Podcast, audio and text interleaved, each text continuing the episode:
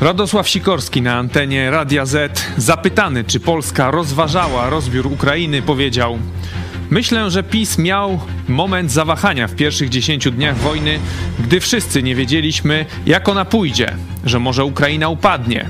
Gdyby nie bohaterstwo Zełenskiego i pomoc Zachodu, to różnie mogło być. Wypowiedź byłego ministra spraw zagranicznych i obrony narodowej szybko podchwyciła rzeczniczka rosyjskiego MSZ Maria Zacharowa. Rosja od dawna powtarza fałszywą tezę, że Polska tak naprawdę to nie pomaga Ukrainie, ale chce zabrać jej ziemię. Po co Radosław Sikorski mówi takie słowa? Dziś razem z redaktor Hanną Szen postaramy się odpowiedzieć na tytułowe pytanie. Sikorski, agent, idiota czy patriota? Wy też możecie odpowiedzieć na to pytanie, biorąc udział w naszej sądzie na mediach społecznościowych. A dziś porozmawiamy także o tym, że Niemcy wygrywają z Polską w wyścigu o tajwańską fabrykę półprzewodników. Porozmawiamy także o dużej świadomości zagrożenia chińskiego wśród Polaków, którą wykazały badania amerykańskiego International Republican Institute. To jest program Idź pod prąd na żywo. Tymoteusz Chojecki, zapraszam. Jesteście przestępcami.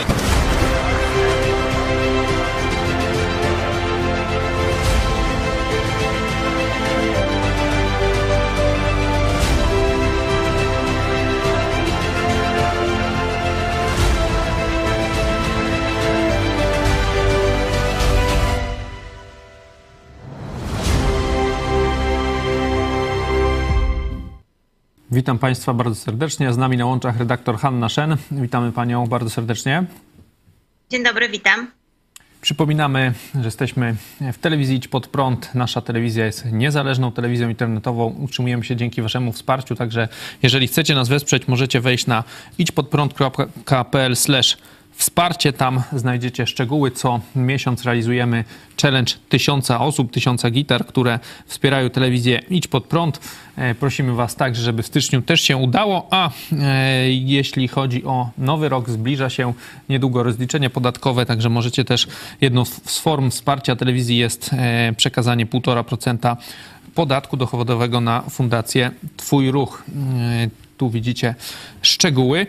Panie redaktor, przechodzimy na początek do Radosława Sikorskiego. On, on często coś tak, troszkę tak ma zwałęsy, że, że często tak coś, że tak powiem, palnie, tylko że pytanie, będziemy się zastanawiać, czy to świadomie, czy, czy nieświadomie. Zobaczmy, co na antenie Radia Z Radosław Sikorski obwieścił światu.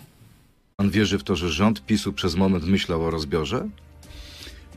Myślę, że miał moment zawahania na, w pierwszych 10 lat, 10 dniach wojny, wtedy, gdy wszyscy nie wiedzieliśmy, jak ona pójdzie. E, że, że, że może Ukraina upadnie. E, I gdyby nie bohaterstwo Zelenskiego i pomoc Zachodu, różnie mogło być. No, wypowiedź szeroko komentowana. Potem e, Sikorski się nie wycofuje.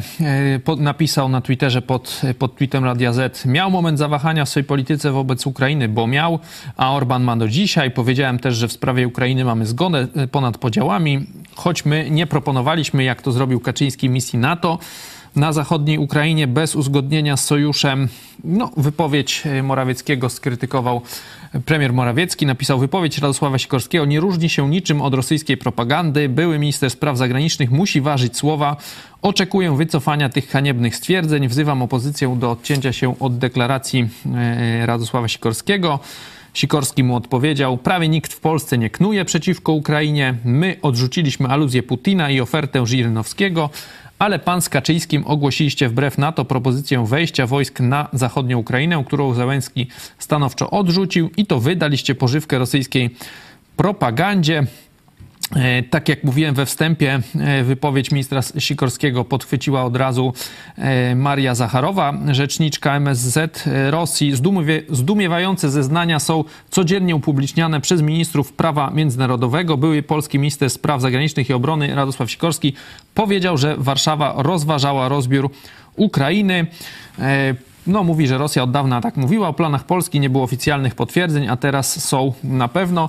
Pani redaktor, nie wchodząc na razie, czy, czy Sikorski ma rację, czy, czy nie ma racji, e, czy rzeczywiście tak było, e, po co w ogóle takie słowa? Czy on tak sobie, nie wiem, chce być taki prawdomówny i tak sobie mówi, y, nie wiem, nie waży tych słów, nie myśli, jakie będą konsekwencje, czy to jest jednak celowe działanie? Jak pani uważa? Ja myślę, że to jest celowe działanie. Uważam, że Sikorski celowo działa na szkodę Polski. To nie jest jedyna wypowiedź, nie jedyny kierunek, na którym na szkodę Polski działa, więc dla mnie to jest zdecydowane. To jest po pierwsze kłamstwo. Znaczy mówienie o tym, że nie, nie wiedzieliśmy, jak w, czy, w, czy w pierwszych dniach Ukraina nie upadnie. Znaczy no, to, to jest narracja, powtarzanie też narracji rosyjskiej. No to Putin mówił e, Xi Jinpingowi, że 3-4 dni po Ukrainie. No to jest też powtarzanie tej narracji, więc to ta strona liczyła na, na to, że e, i Pekin i Moskwa liczyła na to, że Ukraina szybko upadnie. Polska była tym krajem, która od, też, samego y, Amerykanie, pamiętam, też dawał, dawali 72 godziny tam, tam Ukrainie, że, że tyle mogą wytrzymać, także to sojusznicy też nie bardzo w tą Ukrainę na Tak, początku ale wie- właśnie wierzyli. szybko zaczęli działać i między innymi działania Polski od samego początku, budowanie, y, no, y, przeciwstawianie się tej na- narracji, budowanie wsparcia, w których Polska od samego początku brała udział, no, no spowodowały, że to, że, że do tego nie doszło, więc to, to nie jest prawda, to, to po pierwsze jest kłamstwo, a po drugie, no jest to, tam jeszcze w tym wywiadzie była znowu, było też o, o Nord Stream, znowu była mowa, prawda, o wysadzeniu y, i ty, tym razem no, mieli to być albo Ukraińcy, albo Polacy, wcześniej byli Amerykanie, a teraz możliwy amerykański biznes. Tak? Także on co chwila e, wraca do, do tych e, e, treści. Jak powiedziałam, według mnie to jest po prostu działanie na, e, na, na szkodę Polski. On oczywiście to jest rosyjska narracja, oczywiście tym, tym e, znowu napędził rosyjską e, propagandę, ale dla mnie co w tym jest, jest moment, w jakim e, e, to pada. Teraz, to znaczy od kilku dni w e, zachodnich mediach, zwłaszcza w mediach angielskojęzycznych, jest bardzo dużo przychylnych artykułów w Polsce w takim kontekście niemieckim, znaczy pokazującym właśnie jak Niemcy zawodzą, a jak Polska staje na wysokości zadania. Ja, ja cz- czasem od czasu do czasu puszczam te artykuły na, na mediach społecznościowych, żeby pokazać, że rzeczywiście tego jest, jest bardzo dużo. Mniej więcej w ciągu 48 godzin przed wypowiedzią Sikorskiego był y, artykuł w Daily Telegraph, gdzie jeden z pułkowników brytyjskiej armii w stanie spoczynku Mówił o tym, że Polacy swoją odwagą zawstydzili Niemcy. W Wall Street, s- y, Wall Street Journal pisano, że Polska wyłania się jako europejski lider przeciwko rosyjskiej wojnie e, na Ukrainie. I zaraz po tym leci narracja Sikorskiego, no, że myśmy ro- rozważali udział e, w rozbiorze e, e, Ukrainy. No, narracja, która niszczy oczywiście, znaczy no niedobrze wpływa na naszą, mo, mogłaby zniszczyć, na szczęście tego nie zrobi. Myślę, że Ukraińcy zdają sobie sprawę, co robi Sikorski, nasze relacje z Ukrainą, ale także jej zadaniem jest zniszczenie naszego, na, naszej współpracy z tym obozem państw, które myślą podobnie jak my, jeśli chodzi o Ukrainę. Uważają, że trzeba jej jak najbardziej pomóc. No to, to, co się okazało w tych mediach angielskojęzycznych, to automatycznie e, podchwytują e, media w innych e, krajach, no między innymi Tajwan to podaje. Także w ostatnich godzinach mieliśmy naprawdę, dniach, mieliśmy naprawdę dużo dob- dobrego powiedzian- powiedzianego o Polsce, pokazanego, no jak, gdzie jesteśmy i co robimy na, na, na rzecz Ukrainy i przeciwko tej rosyjskiej napaści na Ukrainie. I wydaje mi się, że w tym momencie no, musiał wystąpić Sikorski. Teraz dlaczego uważam, że to niekoniecznie go tu należy tylko i wyłącznie, że to jest jakiś agent rosyjski, ja bym go nie tak e, określiła tylko jako szkodnika, dlatego że on, to nie jest jedyna taka wypowiedź, nie tylko dotycząca e, Ukrainy czy Rosji, którą on ma, jak- która szkodzi interesowi Pols Polski. W 2004, podam e, i wypowiedź na innym kierunku Chin i e, Hongkongu. W 2017, kiedy Hongkongczycy no, protestowali, to był właściwie taki e, moment, kiedy Chiny już e, wiedziały i zaczęły te takie ostateczne działania e, niszczące wolności e, Hongkongczyków, to wtedy odbyło się spotkanie w, w Londynie, no w każdym razie w Wielkiej Brytanii, gdzie był i przedstawiciel władz Hongkongu i Hongkongczycy i był tam i Sikorski.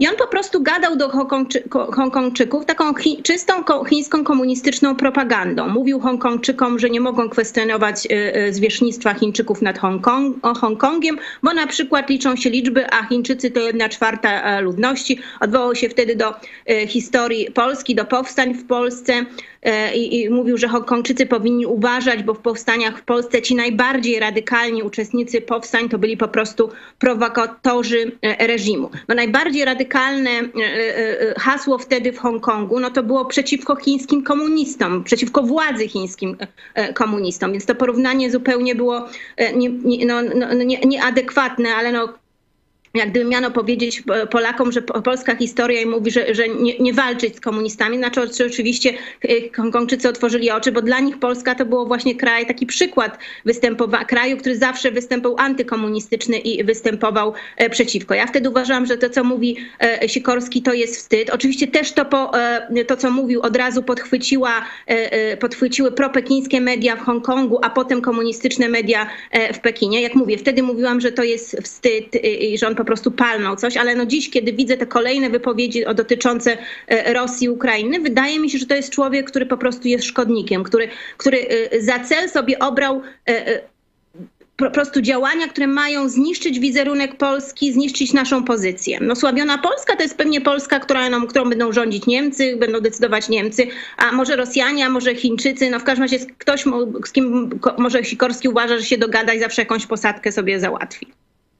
Tak jak pani redaktor wskazała, ostatnio było bardzo głośno o sprawie tych przekazania czołgów Leopard. Pol, Pola, polski rząd bardzo, e, no trzeba powiedzieć, chyba dobrze rozegrał tą sprawę, bo ta, zostało to nagłośnione głównie dzięki e, Polakom i ta presja narodowa na Niemcy kilku, kilku krajów e, no, przyniosła na razie taki efekt, że oni nie blokują, że inni przekażą, tak? A czy sami przekażą, to zobaczymy, jakie będzie, będzie na nich ciśnienie. Rzeczywiście było głośno o Polsce i, i, i w tym momencie wychodzi Radosław Sikorski i, i mówi e, taką rzecz. E, rozumiem, że pani wybiera z tego naszego tytułowego pytania agent idiota czy, czy patriota jeszcze jakąś czwartą opcję, tak? Taki szkodnik. Szkodnik, no na pewno nie patriota, no zdecydowanie, nie wiem, no nie patriota na pewno. Uważam, że to jest kto, ktoś, kto wręcz niszczy interes Polski, działa przeciwko interesowi Polski. Szkodnik to jest takie no, delikatne według mnie określenie, no ale ono się pojawiało już kilka razy, więc nie, no nie będzie szkodnik po prostu. Szkodnik po, dla Polski. Jan Wincent Rostowski, to jest były wicepremier i minister finansów za Platformy, e, napisał, myślę tak samo jak Radek Sikorski, wzywam e, premiera Morawieckiego do powiedzenia nam prawdy na ten temat, bo poszlaki są znaczące, że właśnie tak było.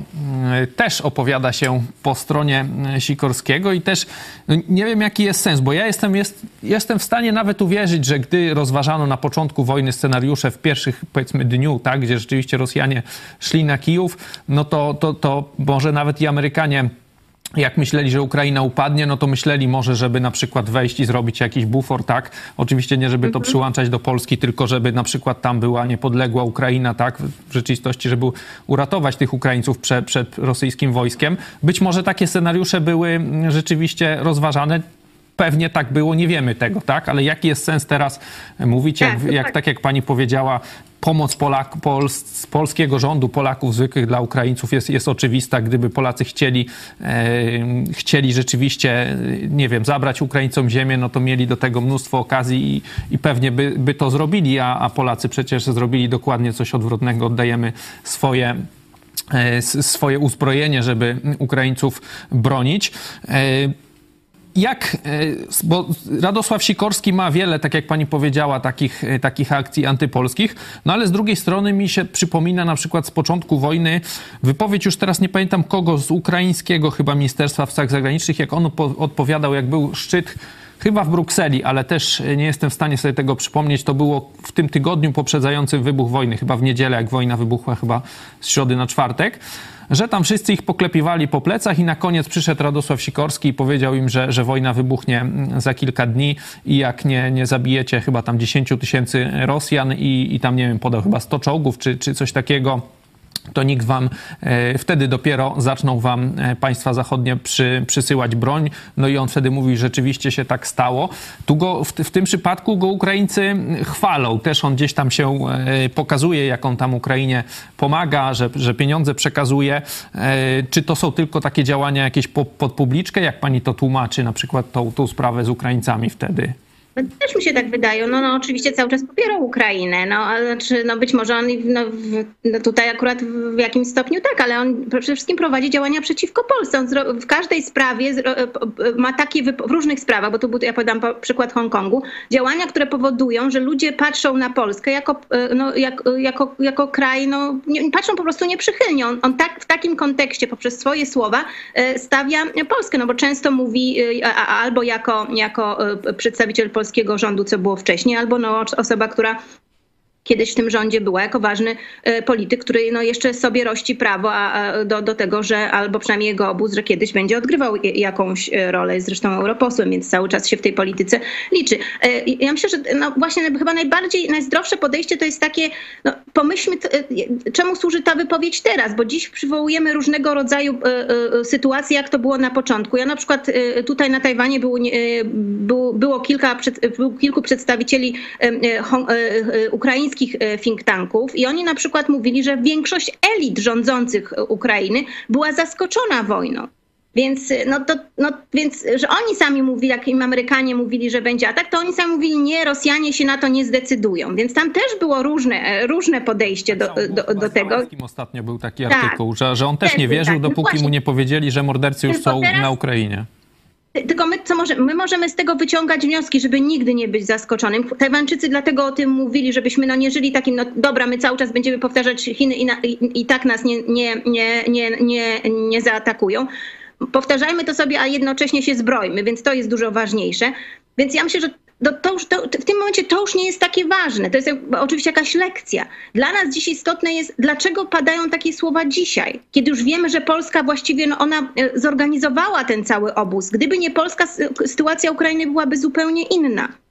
Polska jak gdyby podtrzymywała cały, podtrzymuje, e, podtrzymywała ten, ten obóz pomocy dla, e, dla Ukrainy, jest jego czołowym elementem. Więc po co to wszystko dziś wynosić? Zwłaszcza jak mówię, w momencie takim, kiedy no, e, mamy tę sytuację z Niemcami, widzimy, widzimy jak oni się zachowują i, i świat to widzi i przeciwstawia sobie te dwa zachowania i, i, i- to jest zdecydowanie nie na rękę Niemcom, oczywiście nie jest na, na rękę Rosji. I, I w tym momencie wychodzi z czymś takim e, Sikorski, więc to jest dużo, e, dużo wa- ważniejsze niż czy my się będziemy zastanawiać, czy w pierwszych godzinach e, e, ktoś tam w Polsce myślał, że, że to jednak upadnie. No pe- pewnie wielu z nas się zastanawiało, czy Ukraińcy sobie e, poradzą, czy nie. Tylko no i co z tego? Ważne jest, co zrobiliśmy, czy podjęliśmy jakieś e, działania i o tym należy mówić. A e, Sikorski dziś ma e, wpływ na cały świat, jego zna cały świat. Mógłby mówić o tym właśnie, co robi Polska, co jeszcze zamierza pomóc. Może, może robić to, co robi Boris Johnson. No on odszedł z rządu i co robi? Jedzie do Kijowa i, i, zagrzewa wszystkich, dzi- chyba dziś w Daily Mail jest artykuł na pierwszej stronie właśnie zagrzewający wszystkich do, do, do, do wsparcia Ukrainy. On, nie chodzi, nie opowiada o, o, o, swoich przeciwnikach politycznych, nawet u siebie w partii. Przecież go, go odsunę od władzy, że, że oni to tam przeciwko, y, y, chcieli jakiegoś rozbioru, czy no przeciw, występowali przeciwko pomocy dla Ukrainie. On zagrzewa. Więc dl- dlaczego tego Sikorski nie robi? Nie, według mnie nie robi, bo jest szkodnikiem. Szkodni, on, jego celem jest szkodzenie Polsce. Tym bardziej, że, że to jest y, były minister spraw zagranicznych, czyli on powinien wiedzieć, jak słowa mają znaczenia w dyplomacji. Przecież to, to, ta, to, że. Rosjanie tą y, narrację, że my chcemy im zabrać Ukraińcom, y, nie wiem, zachód Lwów, no to to już jest od wielu lat. Nawet ostatnio Tak. gdzieś widziałem, podają w mediach fejkowe y, jakby screeny z polskiej telewizji, że tam, nie wiem, czy pogoda chyba była, pogoda była jakoś tam przepowiadana, gdzie już Polska miała kawałek Ukrainy, to, to jest jasne, że to jest rosyjska narracja. Tak. No i oni rzeczywiście ją od razu wykorzystują. Myśli pani, że on tą wypowiedzią przekroczył Rubikon, że, że już w tym momencie już Polacy go nie wiem, skreślą wyborcy, on, on teraz nie startuje w wyborach, ale powiedzmy jako takiego jakiegoś influencera, e, czy, czy gdzieś tam ci opozycji, no bo nawet politycy opozycji już mówią, nie wiem, e, na przykład aktywista Jan Śpiewak napisał takiego tweeta troszeczkę tak jak my e, w tytule Radek Sikorski, ruska onuca, idiota czy po prostu pijany. Tak napisał, e, troszeczkę podobnie do naszego tytułu. Myśli pani, że, że w tym momencie już e, Radosław Sikorski poszedł za daleko, że już w tym momencie się nie da tego odkręcić, czy dalej go będą jakoś tam tłumaczyć? Bardzo ważne jest to, co pan powiedział, bo my tam możemy, mo- mo- w programie jakimś telewizyjnym, publicyści, e, komentatorzy mogą sobie czasem coś wyostrzyć, ostrzej powiedzieć, e, no trochę tam e, przerysować pewne sytuacje, ale tu mamy do czynienia z dyplomatą, który bardzo dobrze rozumie, jak to będzie odebrane w, w innych krajach, jak to będzie odebrane, jak to zostanie wykorzystane w Rosji. Bardzo dobrze rozumie, jak działa propaganda, jak działa dezinformacja i, i był szkolony do tego, żeby być wyczulony na coś takiego i żeby wyczulać innych na, na coś takiego, a jednocześnie robi to. Według mnie zdecydowanie przekroczył już wszel, wszelkie możliwe granice akceptowania jego jako polityka, jako mającego liczyć się w przyszłości, nie daj Boże, polityka. Ja, według mnie Koalicja Obywatelska, jeżeli myśli naprawdę poważnie o, o, przejęciu władzy, to powinna się dziś od niego odcinać. Dziś to jest balast dla, dla każdego. Jest to, jak powtarzam jeszcze raz, to jest szkodnik. No, na razie z tego, co widzimy, to ci politycy, na przykład pan Rostowski, wręcz popierają, zgadzają się. Jakichś tam głosów odcięcia jeszcze wielkich nie słyszałem. Ja powiem szczerze, że nie liczę, że będą. Myślę, że nie, nie liczę, że będą. Myślę, że, że okaże się, że więcej jest takich po tej stronie właśnie myślących podobnie jak, jak każde świństwo zrobią, zrobią każde świństwo, żeby tylko i powiedzą każde świństwo, żeby, no, bo, bo, tylko po to, żeby zaszkodzić. PiSowi, tak? To tak to trochę tak, wygląda, tak, no, właśnie. bo tutaj to są, to ciężko znaleźć jakieś mają... inne uzasadnienie. Dokładnie. Oni, oni nie myślą o interesie Polski, tylko że dokopać PiSowi. Przecież po PiSowi można tu dużo wyciągnąć błędów, prawda? Nie trzeba niszczyć Polski na arenie międzynarodowej. Zobaczcie, co się stało we Włoszech, kiedy Meloni doszła do władzy. Niektórzy media zachodnie zaczęły mówić, że faszyści doszli do władzy, a jej przeciwnik polityczny wystąpił w mediach i powiedział, żeby przestać histeryzować. To nie oznacza, że we Włoszech odbyły się wybory demokratycznie, wolne wybory, wygrała Meloni i ona będzie rządzić. I, to, i, i cały ten proces świad nie świadczy o tym, że jakiś faszyzm zaczyna się. A u nas jest no, to, totalnie niszczenie, nie, nie, tyle niszczenie PiSu, tylko niszczenie Polski po prostu. Jej wizerunku, jej interesu. No tak, no bo to PiSowi jakoś myślę, że wielce nie zaszkodzi, bo tam wręcz nikomu tam, no właśnie. Mamy wyniki już pierwsze naszej, chociaż nie pierwsze, bo to już 200 głosów prawie zabrało głos. Możecie oczywiście dalej cały czas odpowiadać na to pytanie tytułowe. Na razie mamy tak, agent 66%, idiota 25%, 9% patriota są jeszcze jacyś wierzący w pana Sikorskiego. Będziemy cały czas patrzeć, informować was, ale myślę, że, że mamy dzisiaj też ciekawsze i ważniejsze sprawy do, do omówienia. Na początek jeszcze zapytam e, panią redaktor o wczorajszy program w naszej telewizji, dosyć niezwykły. E, poniedziałkowy program możecie zobaczyć e, go, kto nie oglądał też na YouTubie jest. Gośćmi był pan poseł Dobromir Sośnierz, poseł wolnościowców. Sam jeszcze nie wiedział, czy Konfederacji jeszcze, czy już nie. No i Marian Kowalski, jego chyba przedstawiać naszym widzom nie trzeba. Wiem, że pani redaktor oglądała. Jak się pani ten niezwykły program podobał? No bardzo mi się podobał, bardzo fajny program. Cieszę się, że, że no była taka grupa ludzi, którzy rzeczywiście no, są wolnościowca, wolnościowcami, których liczą się wolności. Ten program chyba w sumie tak pokazał, że tak jak wszędzie wokoło toczymy wojnę przeciwko, przeciwko czemuś, komuś, przeciwko tym, co myślą inaczej, przeciwko tym, co choć trochę inaczej od nas w coś wierzą. To, to, to, pokazał, że chyba warto w Polsce zamiast toczyć wojny przeciwko, to toczyć o, o, o debaty, rozmowy w obronie czegoś, o, w obronie wolności słowa na przykład, która jest ogromnie zagrożona na całym świecie, także w Polsce. Także ten program to pokazał i bardzo, bardzo się cieszę, że coś takiego się odbyło. I może warto właśnie no, budować taką, taki, taką grupę ludzi, spotkań, robić takie spotkania właśnie ludzi, którzy będą właśnie w tej obronie mówić, co będą w tej obronie gotowi, bo to są często politycy też albo ludzie, którzy aspirują. No pan Marian Kowalski mówi, że już nie, no ale jest jak publicystą. Ludzie, którzy będą właśnie zabierać głos w obronie wolności albo jak politycy no powinni mówić, co będą, zamierzają zrobić w, w, w kwestii obrony tej wolności. No PiS jak dochodził do, do władzy, to na przykład mówił o tym, że przed dojściem do władzy, że chciałby zniesienia tego artykułu 2012 kodeksu karnego mówiącym o, o zniesławieniu, którym często przed tym jak doszli, doszedł PiS do władzy, był wykorzystywany jako knebel dla mediów, a dziś politycy niestety ci, którzy kiedyś wykazywali szkodliwość tego środowiska, które wykazywało szkodliwość tego artykułu, no, wykorzystują, bo chcieliby go wykorzystywać wykorzystać do, do tłumienia prawa do krytyki, do i krytyki wobec tych, tych polityków. Także no, myślę, że potrzebujemy takiego, fajnie jakby w tym okresie wyborów no, odbyła się także taka wielka debata, czym jest wolność i co możemy zrobić, żeby tę, tę wolność, zwłaszcza wolność słowa w Polsce powiększyć. Tak? Także cieszę się, że takie, takie spotkanie miało miejsce. Czekam na, na debatę.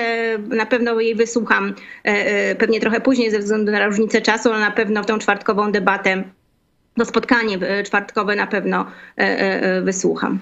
No właśnie, to może e, przypomnimy, bo już pani redaktor też e, wspomniała. W czwartek 26 stycznia o godzinie 18 zapraszamy na live z prawnikami na temat wolności słowa. Podstawą do dyskusji będzie wyrok w sprawie Mariana Kowalskiego. Sprawę wytoczyło, e, wytoczyło Środek Monitorowania Zachowań Rasistowskich i Ksenofobicznych. W live będzie uczestniczył Marian Kowalski, prawnik z Krakowa i pastor Paweł Chojecki.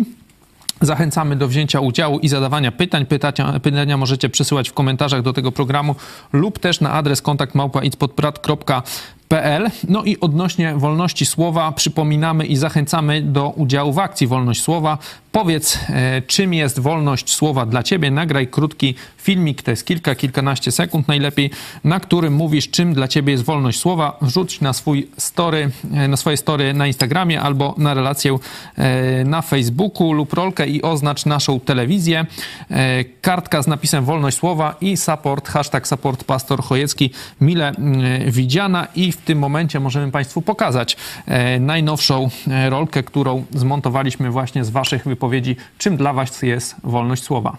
Wolność słowa to znaczy, że mogę mówić to, co jest dla mnie ważne, bez zakazu albo zagłuszania i vice versa.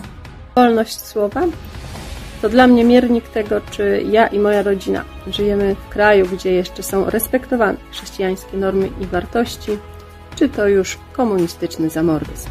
Wolność słowa to dla mnie ochrona i strażnik państwa prawa. Bez tej wolności państwo zamieni się w totalitaryzm. Wolność słowa daje mi poczucie bezpieczeństwa.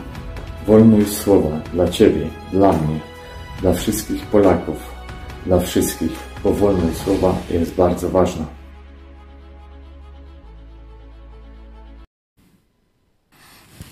Jeszcze raz zachęcamy Was do umieszczania takich materiałów na swoich mediach społecznościowych.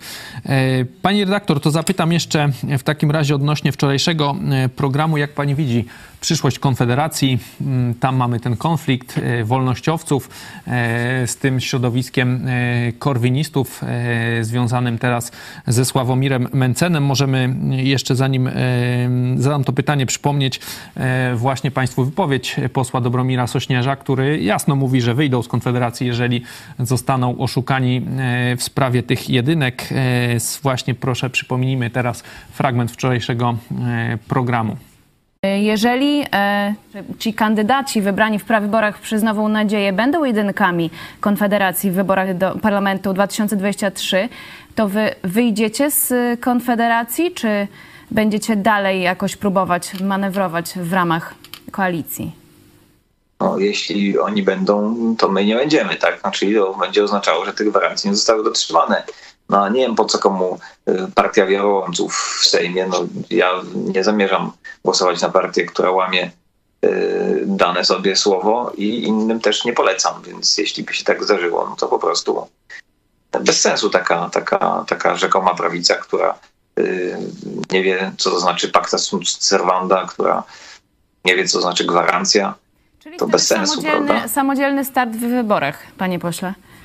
No, być może tak. Jak pani redaktor przewiduje przyszłość Konfederacji? No wszyscy znamy jej tam różne prorosyjskich tych polityków, wypowiedzi, no ale od, jakiś, od czasu do czasu gdzieś też coś o wolności wspominają. Czy ten konflikt rozbije ich od środka i powstanie coś rzeczywiście prawdziwie wolnościowego, czy gdzieś tam się dogadają w imię, e, w imię wspólnych interesów?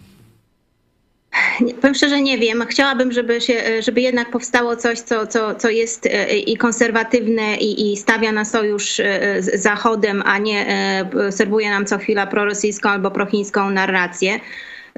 Więc no, mówię, że ch chciałabym. A co będzie z Konfederacją? Taka, jaka ona teraz jest, to, to jest zupełnie partia, na którą ja bym nie oddała głosu, więc no, chciałabym i liczę na coś lepszego. Myślę, że wielu ludzi, wielu wolnościowców, ludzi o, po, po konserwatywnych e, poglądach e, ma podobne oczekiwania, więc może kto wie, może, może pan, pan Sośnierz powinien wyjść i próbować budować coś, coś swojego. Bardzo mi się podobało, był na Tajwanie, także widać, że nie jest to polityk, który się boi chińskiej narracji. Wiemy, że wielu, tak, który się okazuje, określa jako prawicowcy, także z partii rządzącej tego się, tego się bali. Także, także może super, niech spróbuje. Warto wyjść i zacząć budować coś swojego. Liczymy rzeczywiście, że tak się stanie. Przejdziemy, pani redaktor, teraz do, do wydarzeń za granicą, chociaż mamy to, co wspominaliśmy we wstępie na początku, jeszcze to badanie sondażowe nastawienia, postrzegania Chin, taki jest tytuł tego badania, postrzeganie Chin w 13 europejskich krajach. Pani redaktor napisała artykuł na ten temat. Europa Środkowo-Wschodnia przeciwko sojuszowi Chin i Rosji. To jest raport, ma tam 80 kilka stron, bardzo dużo wykresów. Zaraz sobie może bardziej szczegółowo o nich opowiadamy, ale poopowiadamy, jak, co najważniejszego, jakie najważniejsze wnioski wynikają z tego raportu. Właśnie szkoda, że tak mało mediów, właściwie chyba nikt poza, poza tym, że ja napisałam artykuł i teraz, że o tym dziś mówimy, się zainteresował tym raportem, bo on naprawdę pokazuje, że, że w, no, w państwach naszego regionu jest zrozumienie zagrożenia, wzrasta to zrozumienie zagrożenia Chin ze względu na sojusz z Rosją. I, i to jest szczególnie widać w Polsce. Tak jak pan wspomniał, tam jest 13 państw, Austria, Chorwacja, Czechy, Estonia, Grecja, Węgry, Włochy, Łotwa, Litwa, Polska, Rumunia, Słowacja i Słowenia. I no i widać, że we wszystkich tych krajach pogorszyło się widzenie Chin. Ogólnie 34% ankietowanych przyznało, że pogorszyła się ich sposób, w jaki widzą Chiny. W Polsce to jest 38%, więcej tylko jest w Austrii i, na Litwie. Jako jeden z głównych czynników tego pogorszenia stosunku do Chin wymieniane jest właśnie partnerstwo Pekinu z Moskwą. I tutaj no, Polska się bardzo mocno, właśnie jako ten kraj, który szczególnie to podkreśla, podkreśla, że to jest jedno z większych zagrożeń.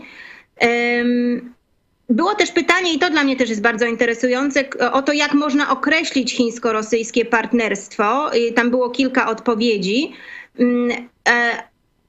I łącznie kilka z nich dawało takie no, państwa, które uważają, że, że 40% ankietowanych stwierdziło, że Chiny popierają albo umożliwiają rosyjską inwazję na Ukrainę. To jest 40% z tych, z tych 13 ankietowanych krajów.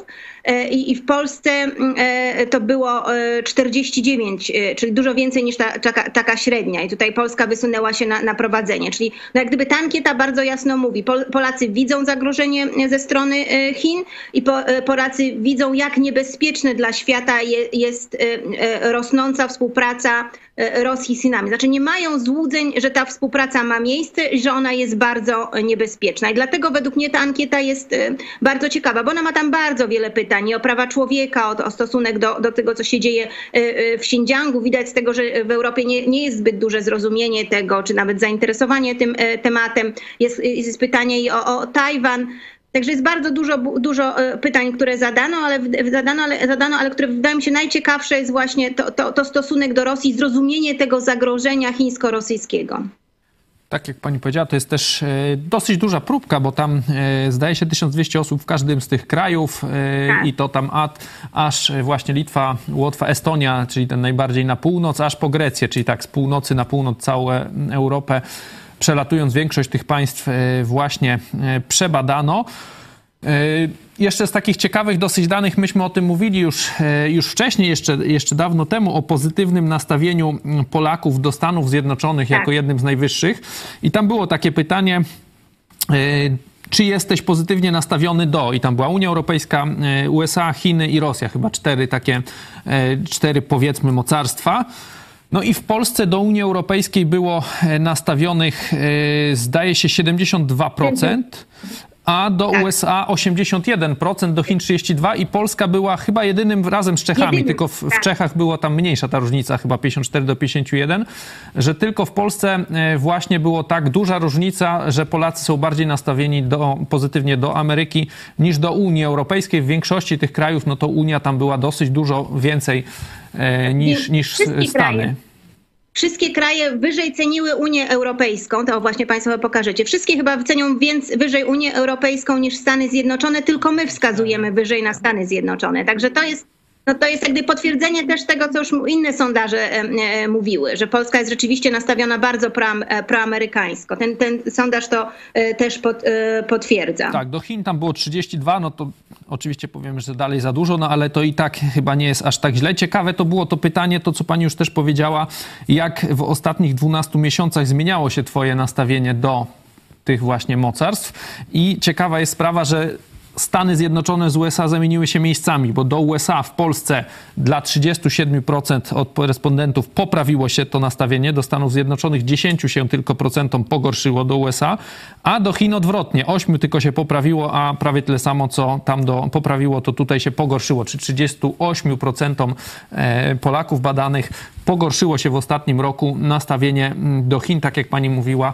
e, głównie z powodu e, no, współpracy chińsko, e, chińsko-rosyjskiej, ale w mediach dalej, tak jak pani powiedziała, jest dosyć cicho i politycy chyba też dosyć rzadko na razie na ten temat mówią. Skąd w takim razie Polacy się e, dowiadują? Skąd ta taka zmiana, jak pani e, myśli? No bo mało się mówi o współpracy chińsko-rosyjskiej, nawet teraz podczas wojny w TVP czy w mediach opozycyjnych wszystko jedno. Skąd w Polakach e, taka zmiana nastawienia do Chin? Wręcz przeciwnie, uważam, że co chwila jakikolwiek sygnał z Pekinu odbierany jest często w polskich mediach jako, jako oznaka tego, że, że Chiny już się obraziły na, na Rosję. No bardzo często w Polsce, można, w Polsce można usłyszeć takie wypowiedzi czy przeczytać takie e, artykuły. No wydaje mi się, że to jest taka praca też naszego środowiska, dlatego że no właśnie my jesteśmy chyba najbardziej konsekwentni w tym, w tym e, my, e, no co, i co ja jestem u państwa, no to pokazujemy, podajemy kolejne przykłady współpracy chińsko-rosyjskiej. Do tych, jakby prześledzić programy w tym, w zeszłym roku i, i to, to no, tych przykładów byłoby bardzo e, wiele.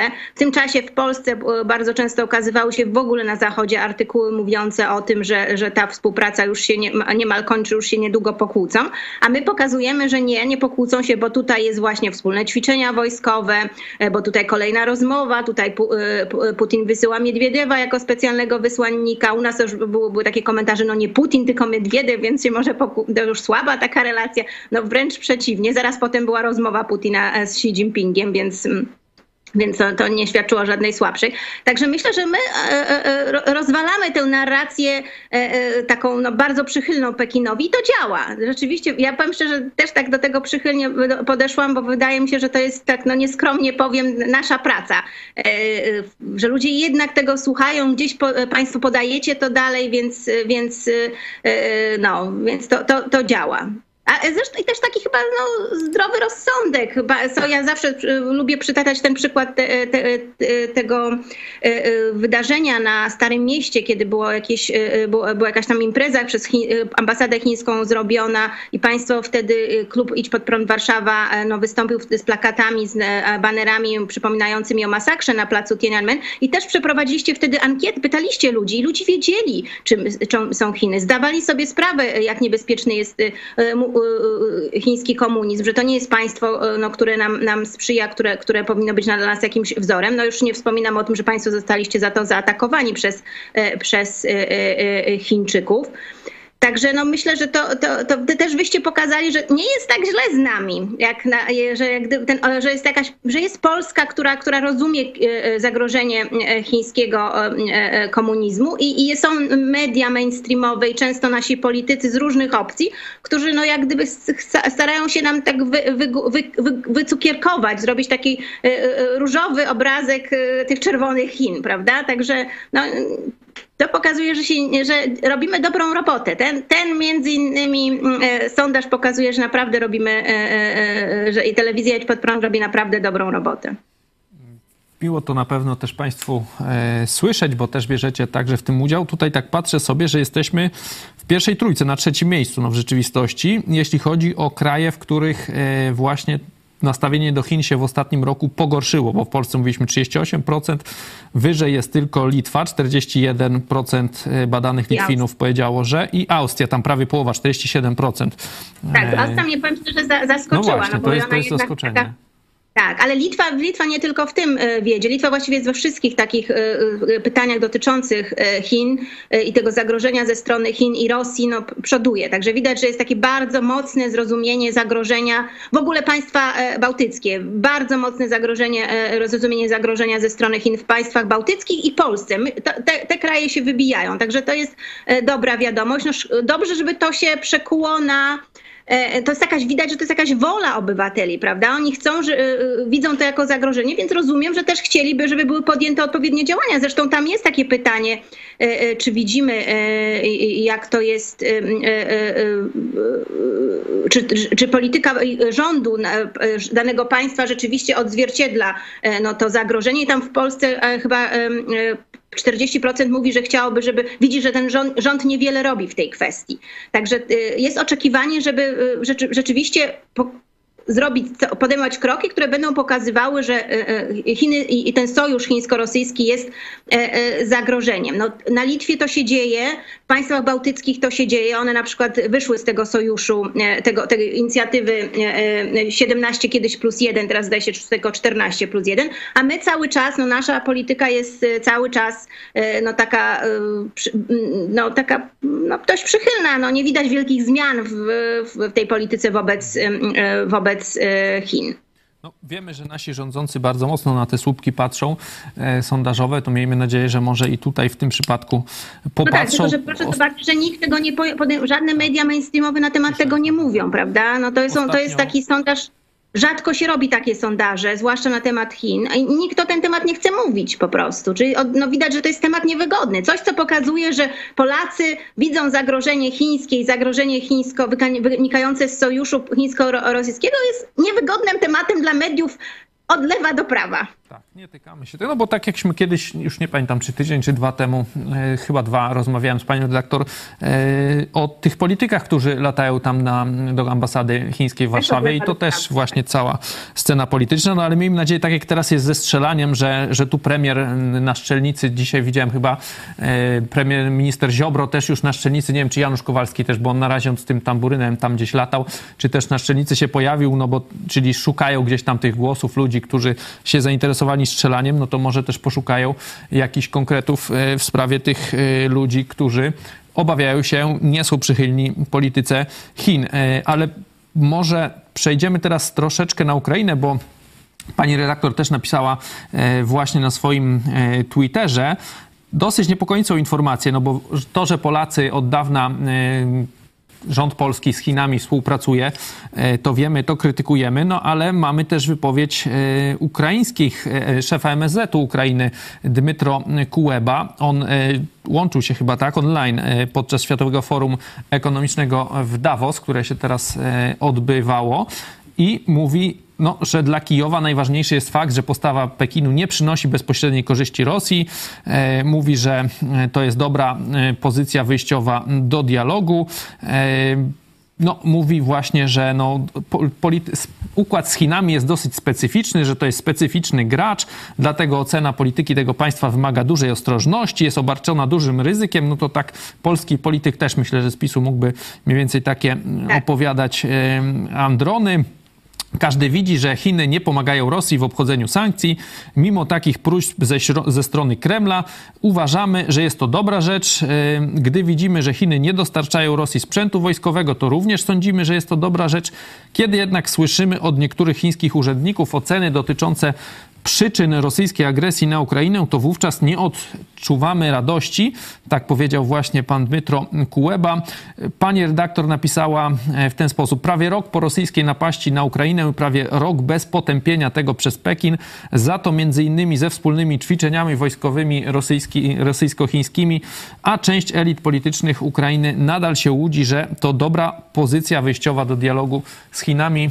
E, Jak pani redaktor e, myśli, czy to jest tak, że no oni no jednak są to, tonącymi. Ta Ukraina jest tam coraz gorzej, tak, pomimo ich sukcesów, y, że cały czas walczą, wiadomo, y, o tym mówimy, no ale jest tam naprawdę bardzo ciężko, no i oni y, gdzieś tam chwytają się nawet tej chińskiej brzytwy, żeby coś może dostać od, od Chińczyków, czy żeby Chińczycy dalej tak jawnie Rosjan nie wspierali, czy to jest po prostu jakaś, nie wiem, nieświadomość, tak jak i w Polsce, tak i w Chinach, czy może jakieś chińskie wpływy na Ukrainie? No, ja myślę, że w dużym stopniu to jest to, że oni cały czas no, nie chcą obrazić Chin, nie chcą tu wystąpić, nie chcą skrytykować Chin, prawda? Liczą na to, że, że jednak e, no, być może Rosja zrobi coś takiego, że już wtedy Chiny zdecydowanie e, no, e, zaczną wywierać presję. Tylko, że według mnie wszystko na, na, na, na ziemi i niebie pokazuje, że Chiny, Chiny tego nie zrobią. No, dziś mamy informację, że administracja Bidena no, przekazała Chinom dane, że wie, że są chińskie firmy państwowe, państwowe, które wspierają działania wojenne e, e, Rosji, e, Rosji na Ukrainie. To nie są jakieś dostarczanie sprzętu, no ale przez in, inne kroki te działania są wspierane. Zresztą Chiny pompują pieniądze. Ostatnio jest informacja o tym, że, że no, otwiera się turystyka chińska i dały zielone, Ministerstwo Turystyki, Kultury i Turystyki Chin dało zielone światło grupowej turystyce i wskazało państwa, do których Chińczycy już teraz mogą jeździć. No i wśród tych państw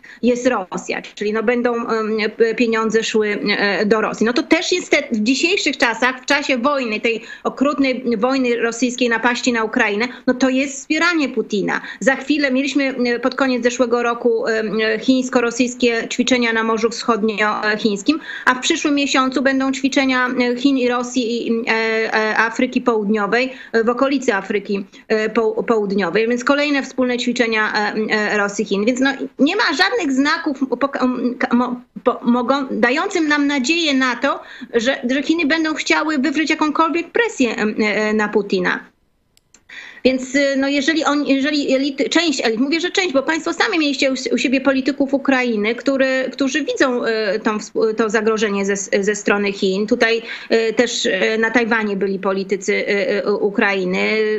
Są tacy, którzy rzeczywiście chcą zwiększonej współpracy z Tajwanem i mówią, mówią o szkodliwych działaniach chińskich wspierających Moskwę. Więc to jest tylko część. No wydaje się, że to najbardziej wpływowa niestety cały czas. Wydaje mi się, że dużo lepiej zamiast takich wypowiedzi, to dużo lepiej byłoby, gdyby rzeczywiście mm, e, e, politycy ukraińscy przekonywali Zachód, że jest ta współpraca e, Chin i Rosji i że w związku z tym, jeżeli chcemy, żeby Chiny rzeczywiście wywarły jakąś, jakąkolwiek presję, no to musimy zacząć ostrzej działać wobec Chin, zacząć na przykład nakładać sankcje. To przyniosłoby dużo lepsze korzyści niż w tej chwili no, mówienie, że jest jakaś możliwość, że jest jakaś pozycja wyjściowa do, do, do dialogu nie ma, nie ma takiej możliwości. Ten dialog nigdy nie będzie się toczył, nie będzie prowadzony przez Chiny w tym kierunku, żeby zatrzymać Rosję. No, czy przegrana Rosji to jest y, przegrana także Pekinu, więc one nic w tym kierunku nie zrobią. Mogą, oni mogą sobie podją, podjąć jakiś dialog, ale to jest dialog na stratę czasu.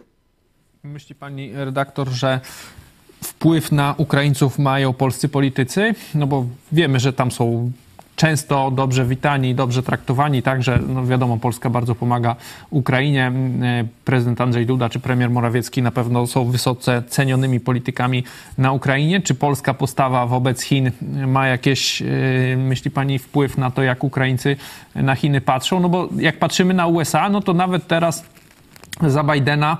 E, tam są dosyć e, często ostre e, słowa czy, czy gesty w stronę Chińczyków. Tutaj mam od redaktora Cezarego Kosowicza informację, na przykład gubernator Dakoty Południowej zakazuje biznesów z Chinami, ostrzega przed wykupywaniem ziemi przez Chiny. Nawet gdzieś tam na, na szarym północnym końcu Ameryki, gdzie Chińczycy wykupują tą, tą ziemię. Myśli pani, że to wpływ Polaków jest y, na to, że, że, że Ukraińcy na te Chiny patrzą mm, gdzieś tam ciągle z jakąś nadzieją? No na pewno my mamy duży posłuch tam, prawda? Więc no, na pewno z naszej strony to oznacza nie płyną takie, e, takie e, sugestie, że no, no, do Chiny mogłyby tutaj, e, że Chiny pomagają Rosji. W związku z tym no, może warto razem na przykład przedstawić Stanom Zjednoczonym albo Zachodowi jakiś plan działań wobec Pekinu. Myślę, że tu Polska raczej mówi tak, tak, no, Chiny to mogą być cały czas ta strona, która rzeczywiście no, by tym graczem, który może powstrzymać Putina. To zresztą jest teraz e, ta narracja tego nowego ministra spraw zagranicznych e, Chin. On teraz chce, się, chce przedstawić Chiny jako taki bardzo ważny element e, działań pokojowych, bardzo ważny gracz działań pokojowych, że pokoju w, tej wojnie nie będzie, jeżeli no nie będzie, będą tutaj brane pod uwagę Chiny, które oczywiście nic nie robią tak naprawdę, żeby powstrzymać Rosję, ale tylko mówią nam, że on, oni są ważnym elementem tego, tego, tej gry na pokój. Także no, no takimi, takimi wypowiedziami niestety i politycy Ukrainy i my nie, często, jeżeli tak uważamy, no to wpisujemy się w tą chińską fałszywą narrację. Mamy też e, Wasze komentarze. Piszcie e, właśnie, co sądzicie o tym ukraińskim podejściu do Chin, czy, czy w ogóle zachowaniu Chin wobec, e, wobec wojny, rosyjskiej agresji. Łukasz Ulianowicz. Wojna zdejmuje maski przeróżnym przebierańcom i dzięki temu poznajemy prawdziwe oblicze na przykład Chin. No właśnie, czy jest tak do końca? No bo w Polsce rzeczywiście wielu politykom te maski spadły. Mogliśmy to, co mówiliśmy o ruskich różnych tam onucach, no to się rzeczywiście potwierdziło. No ale czy ta chińska chińska maska już rzeczywiście spadła? Chyba jeszcze na razie nie. Gdzieś tam wielu, e, wielu jednak y, patrzy na te Chiny, że może jednak one będą przeciwko e, Rosji, Rosji. Na przykład Iranowi, no to spadło, tak? Jeśli oni w ogóle jakąś maskę mieli, no bo te drony irańskie e, szeroko są znane, że, że, że na Ukrainę zostały wysłane tam około tysiąca chyba albo lepiej. No ale o Chinach na razie oni tak jeszcze w rozkroku wydaje się, że stoją wielu. No, no, bo Chiny mają bardzo dobry y, aparat dezinformacji, wpływów i dezinformacji na Zachodzie. No, mówiliśmy o tych artykułach, które w Polsce się u, u, co chwila ukazują, że o, już, już się pokłócili, prawda? Moskwa, Pekin już się zaraz pokłócą. A w tym czasie na przykład dowiadujemy się, że zaraz będzie spotkanie, rozmowa telefoniczna Putina z Xi Jinpingiem albo wspólne ćwiczenia rosyjsko-chińskie. E, e, Także e, oni, czyli oni gdzieś puszczają jakimiś kanałami no, informacje, dezinformację i nasze media niestety ją powtarzają, więc, więc oni są tutaj no, dużo silniejsi, mają dużo silniejsze wpływy, więc dlatego tak trudno tym maską e, odpaść, ale no chociażby ten e, sondaż, o którym dziś mówiliśmy, pokazuje, że w Polsce nie jest tak źle, że ta maska e, dla, zaczyna opadać wśród Polaków. Ona jeszcze nie opadła w mediach mainstreamowych, ona nie opadła wśród polskich polityków, ale Polacy dużo lepiej to rozumieją, więc to jest coś pozytywnego. Ale oczywiście trzeba robić jeszcze cały czas dużo, dużo aby, aby no, cały czas pokazywać tą, tą współpracę, mówić o właśnie o takich e, działaniach, jak chociażby otwarcie tego sektora turystyki, gdzie no, Rosjanie będą zarabiać na chińskich turystach, a ponieważ to jest grupa, e, e, duża grupa, a ma ograniczone w tej chwili możliwości wyjazdu, to może się okazać, że Rosjanie całkiem dużo na tym zarobią. Także o tych wspólnych ćwiczeniach trzeba mówić o rosnącym handlu. Także no, to, to, trzeba cały czas podkreślać, kiedy tylko słyszymy, że, że już za chwilę będzie e, rozłam e, e, w, w sojuszu Moskwy z Pekinem, albo że ktoś tam tu mówi, że teraz Chińczycy no, nałożą jakieś sankcje albo będą grozić Putinowi. No nic takiego się nie dzieje. Tomasz Szandar, tutaj to jest kilka pytań, ale tylko my mamy strategiczne najlepsze poddańcze partnerstwo z Chinami. To chyba nie tylko Polska, ale tu jest ciekawa myśl, że my ze wszystkimi jesteśmy łatwo pokłóceni, pokłóceni a z Chinami nie, za pan brat. Y, rzeczywiście trochę tak jest, że Polakom czy polskim politykom bardzo łatwo wyciągać szabelkę, czy na Stany Zjednoczone, pamiętamy to 447, czy na Izrael, na Ukraińców, tak? Y, no to te, też wiemy jeszcze przed wojną, y, no na Rosjan, no to to akurat dobrze, no ale tu do takich, do takich nacji nam łatwo gdzieś tam od razu się obrażać, wyciągać jakieś armaty do Niemców, tak? To, to, to szczególnie PiSowi e, dobrze wychodzi, a do tych Chin to jest jakoś tak, jakoś tak cicho, e, gdzieś tam tej szabelki nigdy nie wyciągamy, tylko raczej potulnie. Dlaczego tak jest? Czy to rzeczywiście oni mają takie przełożenia, nie wiem, jakieś haki, e, pieniądze aż takie poszły dla tych polskich polityków, bo to i ludziom też w sumie, Pola, dla Polaków ci Chińczycy są tacy trochę bardziej obojętni, a Niemcy ci Żydzi, no to najgorsi. Nad tym pracowano przez lata. Ja bardzo często pamiętam, że jak za rządów SLD co jakieś porozumienie z Chińczykami, no to tam ono mogło być nawet o skarpetkach, a myśmy musieli tam wrzucić y, o tym, że popieramy chińską politykę, tą chińską Chin ludowych, politykę jednych Chin. Więc nad tym no, byli ludzie w Polsce, y, którzy pracowali nad tym, żeby, żeby wybudować tych, wśród tych elit politycznych, dyplomatycznych no, takie przekonanie, że Chiny to jest jakiś partner. E, I to skończyło się no, tym, że zawarliśmy porozumienie o współpracy strategicznej zarządów Platformy. Bronisław Komorowski to zrobił, a potem za, SLD, za PiSu to pogłębialiśmy. Także, ale to była praca przez lata i ci ludzie cały czas no, gdzieś tam są, gdzieś siedzą w tych ministerstwach, gdzieś siedzą w tych, w tych mediach, gdzieś siedzą na tych uczelniach i, i, i cały czas jeszcze do, koń, do końca tej prawdy o Chinach powiedzieć nie można. Ale no, myślę, że robimy swoje i już, już tak, taka nachalna narracja jest, już nie, nie leci jak, jak kiedyś mo, można było. Nie jest też tak, że z wszystkim jesteśmy pokłóceni. Ostatnie tygodnie pokazują, że na, o, opinia o Polsce i, i ta współpraca też pomiędzy Polską a Stanami Zjednoczonymi i Wielką Brytanią jest bardzo dobra, więc jesteśmy w bardzo dobrym momencie, ale to też jest taki moment, w którym właśnie no, y, y, nasi wrogowie będą chcieli zrobić wszystko, żeby nasz wizerunek y, zniszczyć a, a, i żeby pokazać też Polskę w fałszywym świetle i zniszczyć także te relacje. Więc no, to, to jest taki też niebezpieczny moment, ale no, nie jest tak do końca źle, że my jesteśmy wszędzie nienawidzeni na świecie i nie mamy złej opinii. Ja podam na początku te przykłady tych artykułów, e, które są naprawdę bardzo przychylne Polsce i postawie Polaków. Także to jest coś, na czym powinniśmy budować.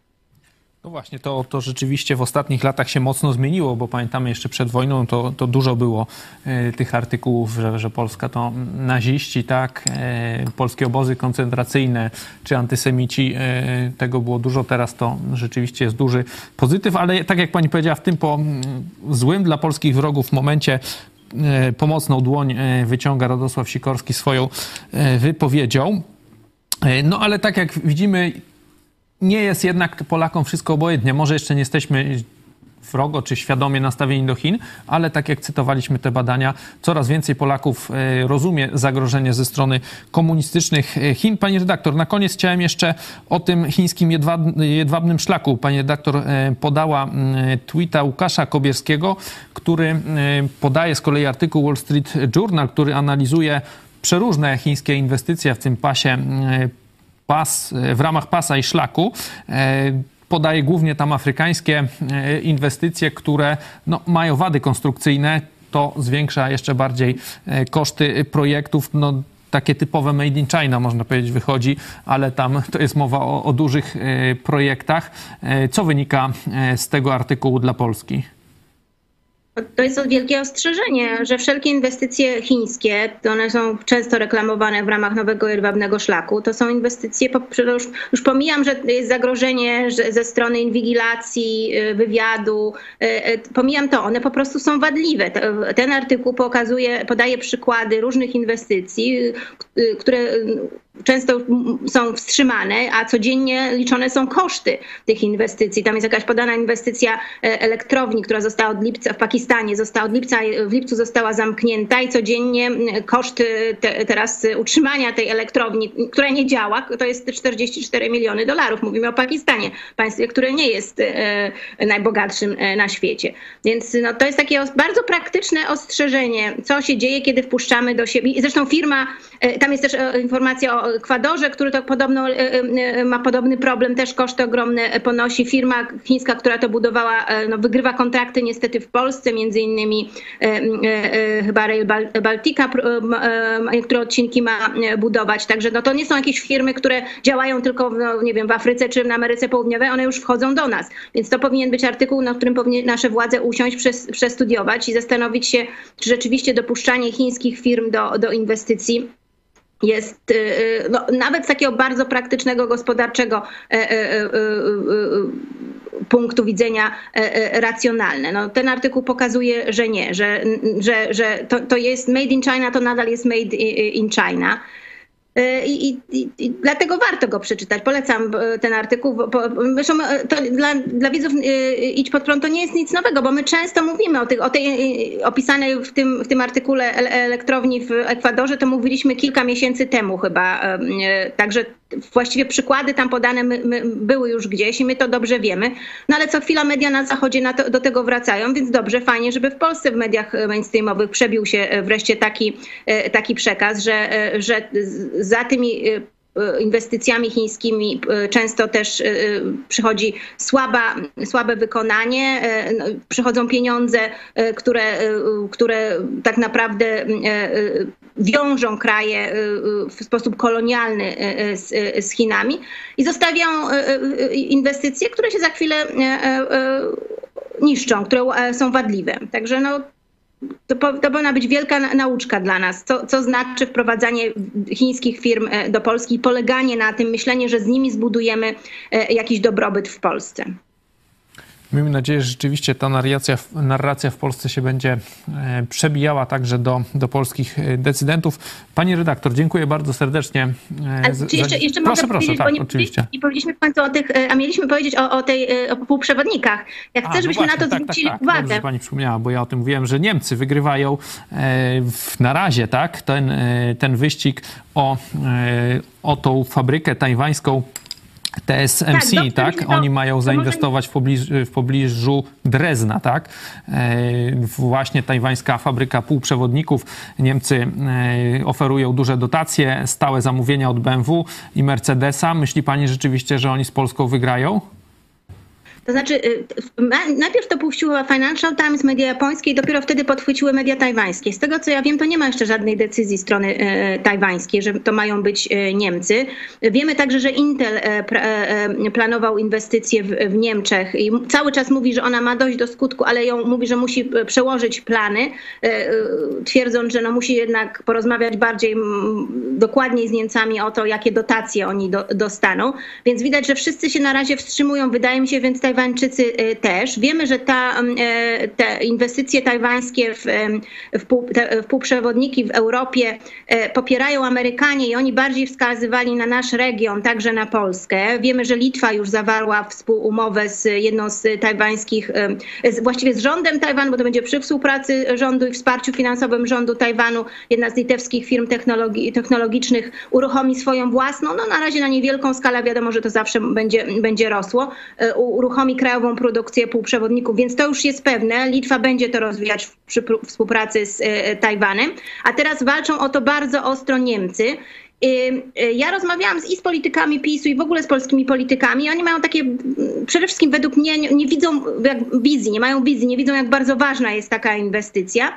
A poza tym wydaje mi się, że uwierzyli w taką narrację, że Tajwańczycy nie chcą tej inwestycji, e, e, takich inwestycji w Europie. Przykład Litwy już e, realizacja tego temu przeczy. Wydaje mi się, że to jest niemiecka narracja puszczona w świat i nasi politycy i dyplomaci, bo to zaczyna się zawsze na placówkach, w to uwierzyli i powtarzają tę fałszywą narrację. Tak wiemy, że szef, założyciel firmy TSMC, tej głównej firmy półprzewodników na Tajwanie, początkowo był przeciwko inwestycji y, w Europie, ale już został do tego przekonany. Wiemy, że y, te plany y, już ruszyły dawno z kopyta, więc dziś mówienie, że Tajwańczycy nie chcą inwestycji, gdy wiemy, że inwestują już na Litwie, no to jest po prostu fałszywa informacja, fake news, fake news, który służy Niemcom, dlatego że nas on usypia, a Niemcy w tym czasie sobie cały czas prowadzą rozmowy z e, Tajwańczykami. To nie są tylko rozmowy. Tutaj przed ogłoszeniem tej informacji, że prawdopodobnie ta inwestycja będzie w Niemczech, była, byli politycy, kolejna wizyta niemieckich polityków, była wizyta litewskich e, polityków,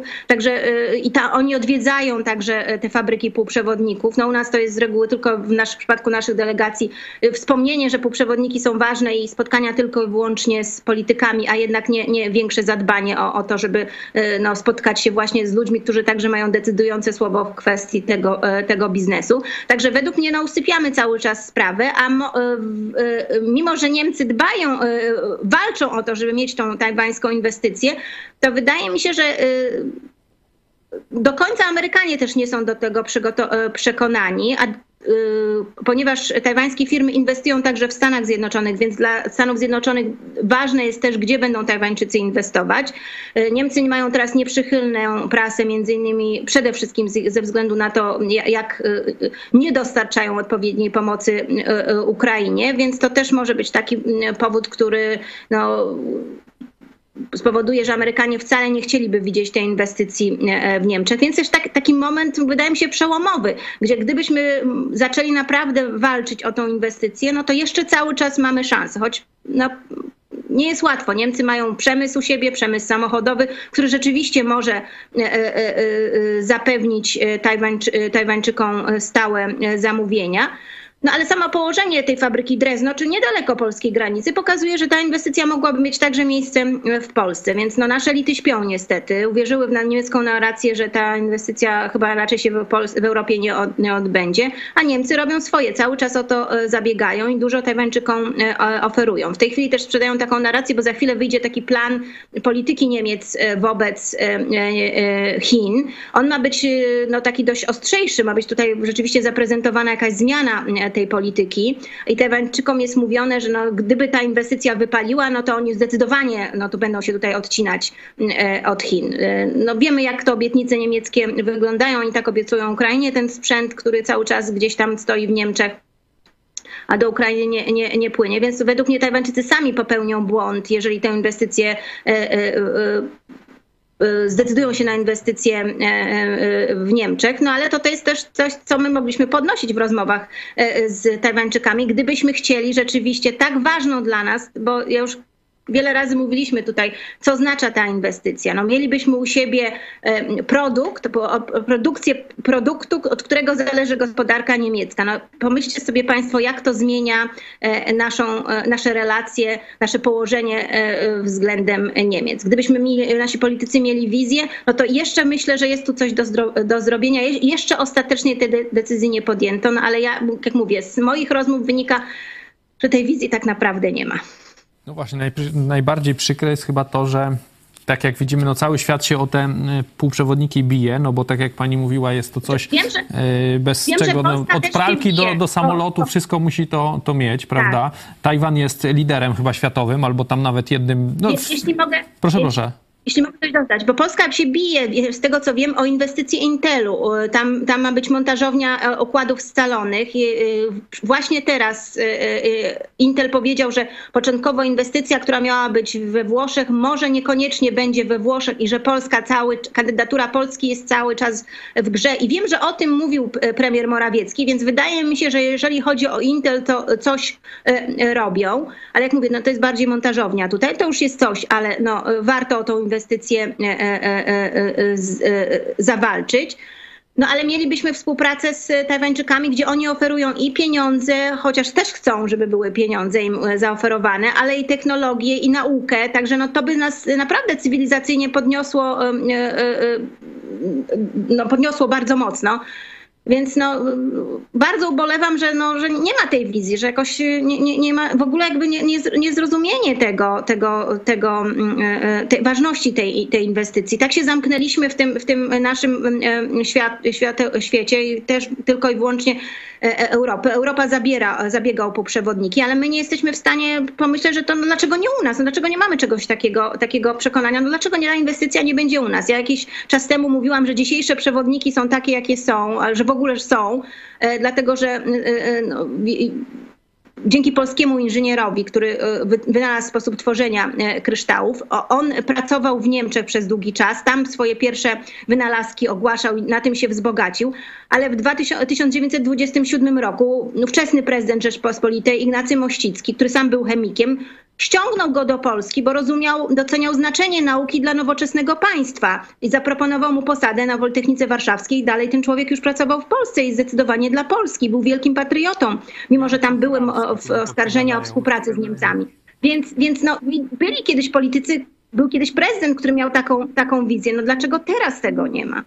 Mamy wspaniałą historię, jeżeli chodzi o półprzewodniki e, i, i, i, nie, i w tej chwili zupełnie nie potrafimy o to e, za, zawalczyć. Oddajemy pola Niemcom. No, ta inwestycja w Niemczech no, no, to naskazuje nas no, na, na utrzymanie tej pozycji, no, podwykonawcy dla, dla Niemców, a naprawdę moglibyśmy od, odwrócić sytuację. To jest oczywiście inwestycja byłaby, no, która wymaga i, i du, dużej y, zapewnienia tego, że jest y, y, energia i woda, ale no Tajwańczycy wiedzą, co trzeba w ty, z, tym, z tym robić. Wiedzą też, że będą odpowiednie koszty tego. No, Tajwan też jest małą wyspą, a jednak ten przemysł zbudowali, więc, więc to wszystko jest do zrobienia.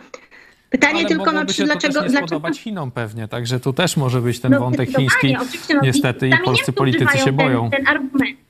Niemcy używają ten argument. Ta inwestycja y, y, y, będzie dla nas tak, będzie też przykładem tego, że my zmieniamy nastawienie e, do, do Chin, ale oni też wiedzą, że Chiny wtedy zmienią nastawienie do, e, e, do nich, więc oni to sobie zdają z tego sprawę i widać, że są gotowi ponieść te koszty. No ich koszty będą dużo większe niż nasze, dlaczego my nie możemy tego zrobić?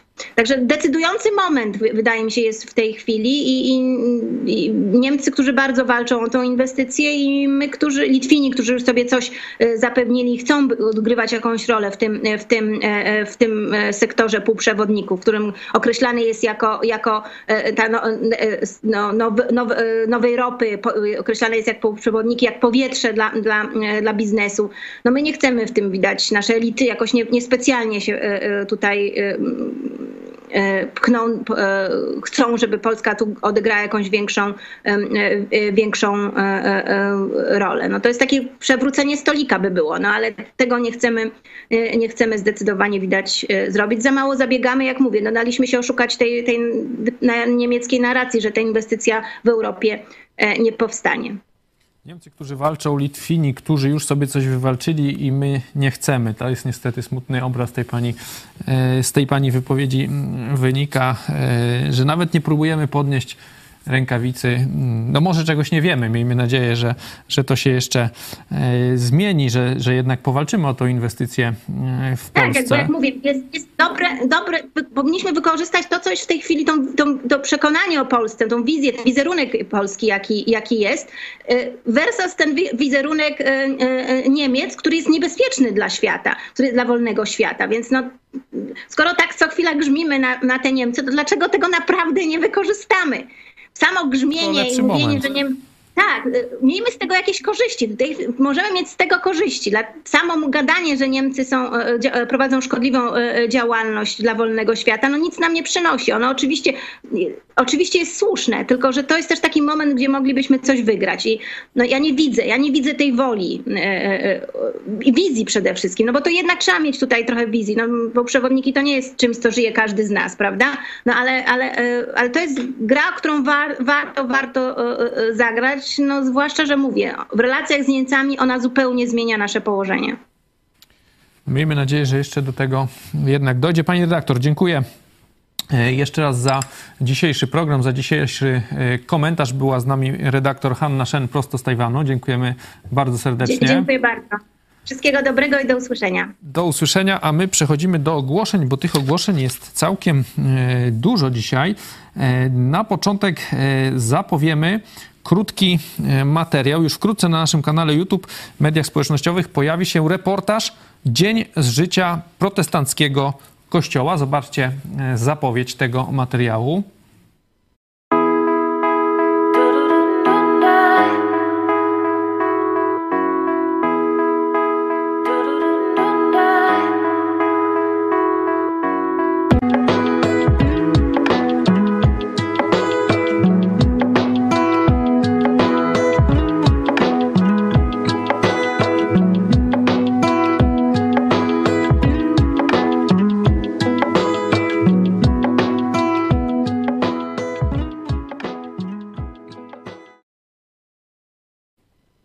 Zobaczycie, jak to wygląda, jak wygląda życie naszego kościoła bardziej od kuchni.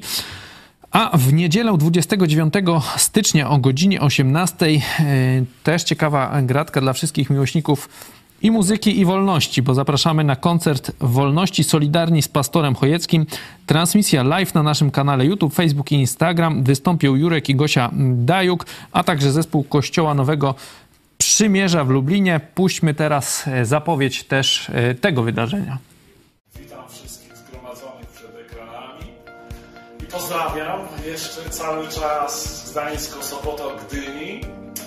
Jestem wśród przyjaciół w tej chwili i rozmawiamy nad czymś bardzo ważnym. 29 dzień stycznia 23 roku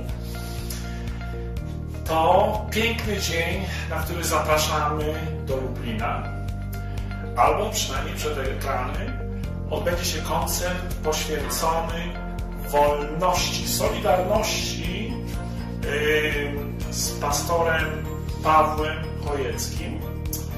I tak jak mówi jedna z piosenek Grechuty, wolność to diament do oszlifowania, do oszlifowania, a zabłyśnie z blaskiem dnie do opisania.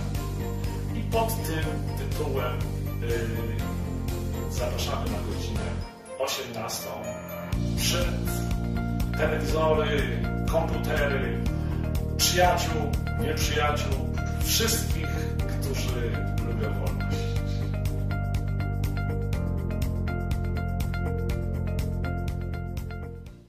Czyli ten koncert w najbliższą niedzielę o 18, wcześniej w czwartek też o 18 ten live z prawnikami na temat wolności słowa, który już e, zapowiadaliśmy. A dzisiaj, co dzisiaj jeszcze w telewizji Idź Pod Prąd, o 18 Idź Pod Prąd dogrywka. Nienawidzę zimna, ale muszę tam być. Reportaż z granicy o codziennej pomocy Ukraińcom opowie prezes Fundacji Wolne Miejsce Mikołaj Rykowski. Zobaczmy trailer tego programu. Mamy działanie wielozakresowe, teraz medyka, Ukraina, granica. Mając takie możliwości nie można nie pomagać. Wydaje mi się, że tutaj właśnie to, co, to, co też powiedziałeś, pastorze, to jest bardzo ważne w kontekście planowania relacji z partnerami. Rząd jest bezdyskusyjnie kluczem i to jest przykre, że dzisiaj nie ma tego, tego na dobrym poziomie. Miasta nam nie mogą pomóc na granicy. Tam się kończą ich, ich kompetencje, nie mają tam żadnego nie mają wpływu na, na, na coś, co jest poza miastem. Więc tutaj my potrzebujemy partnerstwa i, i, i niestety nie mamy, ale to wszystko jest przed nami, bo trzeba zmian.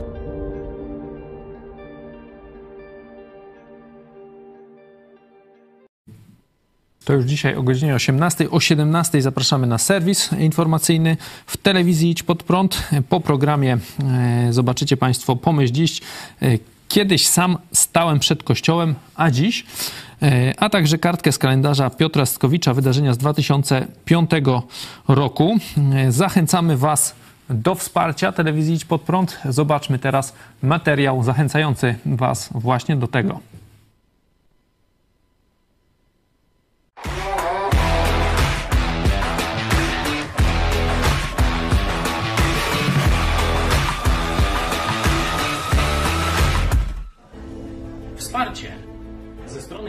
Można podzielić na dwa rodzaje. Pierwsze to poklepanie po plecach. Ono jest oczywiście przyjemne, ale nic nie kosztuje. Wyższy, pełniejszy rodzaj wsparcia to jest podoba mi się to, co robisz. Chcę Ci w tym pomóc. No i teraz każdy decyduje, jak chce pomóc. Jeden weźmie udział w kampanii internetowej. Drugi zaangażuje się w jakąś pracę w redakcji. Trzeci mówi, ale ja Wam mogę pomóc finansowo. Dlatego właśnie jest ta akcja Tysiąc gitar nam gra. Tysiąc osób poświęca swoje pieniądze, żeby te kilkadziesiąt osób mogły realizować misję telewizji Idź Pod Prąd, czyli docierać z prawdą do Polaków.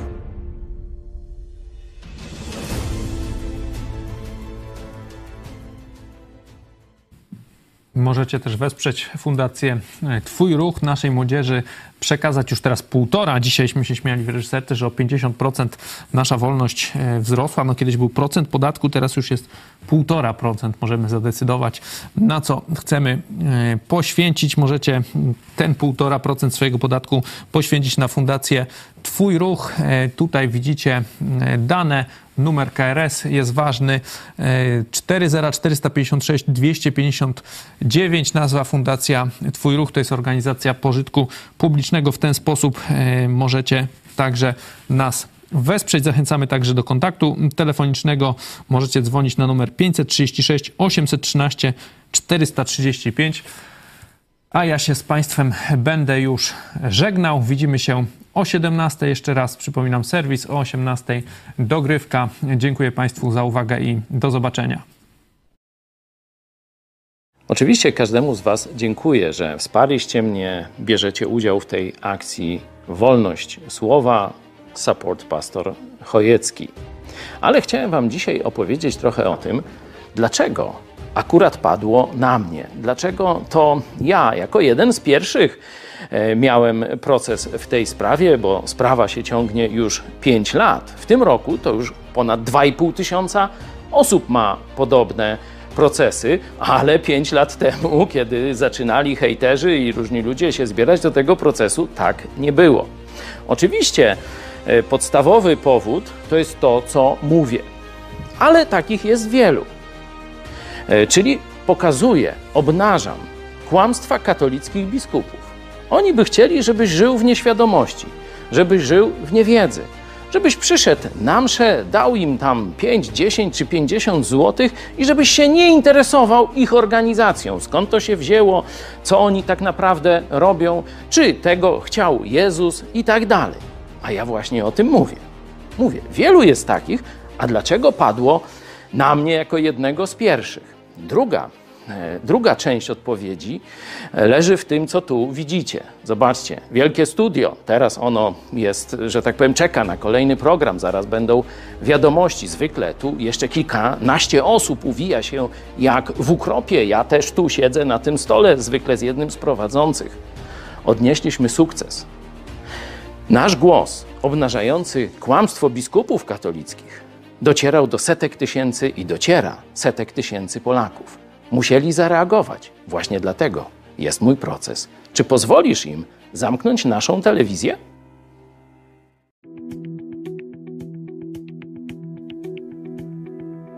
23 stycznia 1919 roku wojska czechosłowackie pod dowództwem pułkownika Józefa Schneidarka przekroczyły linię demarkacyjną ustaloną przez Polską Radę Narodową Księstwa Cieszyńskiego i czeską Krajową Radę Narodową dla Śląska. W umowie podpisanej 5 listopada 1918 roku w ten sposób rozpoczęła się wojna polsko-czechosłowacka. Rządowi czechosłowackiemu mu zależało na opanowaniu karwińskiego zagłębia węglowego, huty w Trzyńcu, zakładów przemysłowych w Boguminie oraz kolei koszycko-bogumińskiej, która była głównym połączeniem między Czechami a Słowacją i była koniecznie potrzebna na wypadek wojny z Węgrami. Decyzję o ataku prezydent Tomasz Masaryk podjął 15 stycznia. 20 rozkaz do ataku wydał rząd. 26 miały się odbyć wybory do Sejmu Ustawodawczego, które byłyby legalizacją polskiego stanu posiadania. Oddziały czechosłowackie wkraczające na Śląsk Cieszyński liczyły około 16 tysięcy żołnierzy. Broniącego oddziały Wojska Polskiego dowodzone przez pułkownika Franciszka Latinika liczyły około 5 tysięcy. Już pierwszego dnia Czesi zdobyli Bogumin i Zagłębie Karwińskie. 26